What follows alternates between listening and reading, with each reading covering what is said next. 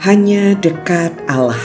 23 Februari 2022 Lebih daripada Nabi. Lukas 7 ayat 24 sampai 30 Untuk apakah kamu pergi ke padang gurun? Melihat buluh yang digoyangkan angin kian kemari?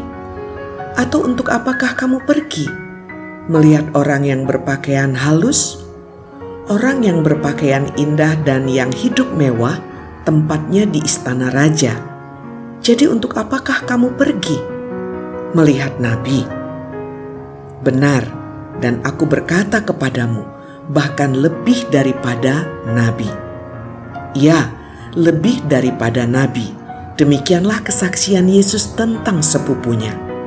Dia bukanlah rumput yang tertiup angin. Prinsip hidupnya jelas juga tegas kenyataan bahwa Yohanes Pembaptis tidak berpakaian halus dan tinggal di gurun, makanannya pun belalang dan madu hutan, membuat dia tidak perlu menjilat siapa pun. Kesederhanaan membuatnya mampu hidup merdeka. Yohanes Pembaptis bukan sekadar nabi, karena dia adalah sang perintis yang menyiapkan jalan bagi Yesus orang Nazaret dia memang bukan pribadi sembarangan. Mengingat beberapa murid terbaik Yohanes Pembaptis, misalnya Andreas, menjadi murid Yesus orang Nazaret, memperlihatkan bahwa Yohanes Pembaptis menjalankan perannya sebagai pembuka jalan. Yohanes Pembaptis boleh dibilang sebagai pribadi yang menyiapkan sekelompok orang Israel untuk menjadi pengikut Yesus nantinya. Itulah yang membuatnya lebih daripada nabi. Namun, ini menariknya.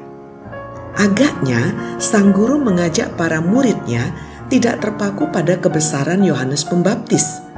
Dalam perspektif kerajaan Allah, yang terbesar adalah Dia yang memilih menjadi yang terkecil dan melayani semua. Nah, menariknya pula, Yohanes Pembaptis semasa hidup pernah berkata tentang Yesus orang Nazaret. Ia harus makin besar, tetapi aku harus makin kecil. Yohanes 3 ayat 30. Jelaslah Yohanes Pembaptis memang orang besar. Salam semangat dari kami, literatur perkantas nasional. Sahabat Anda bertumbuh.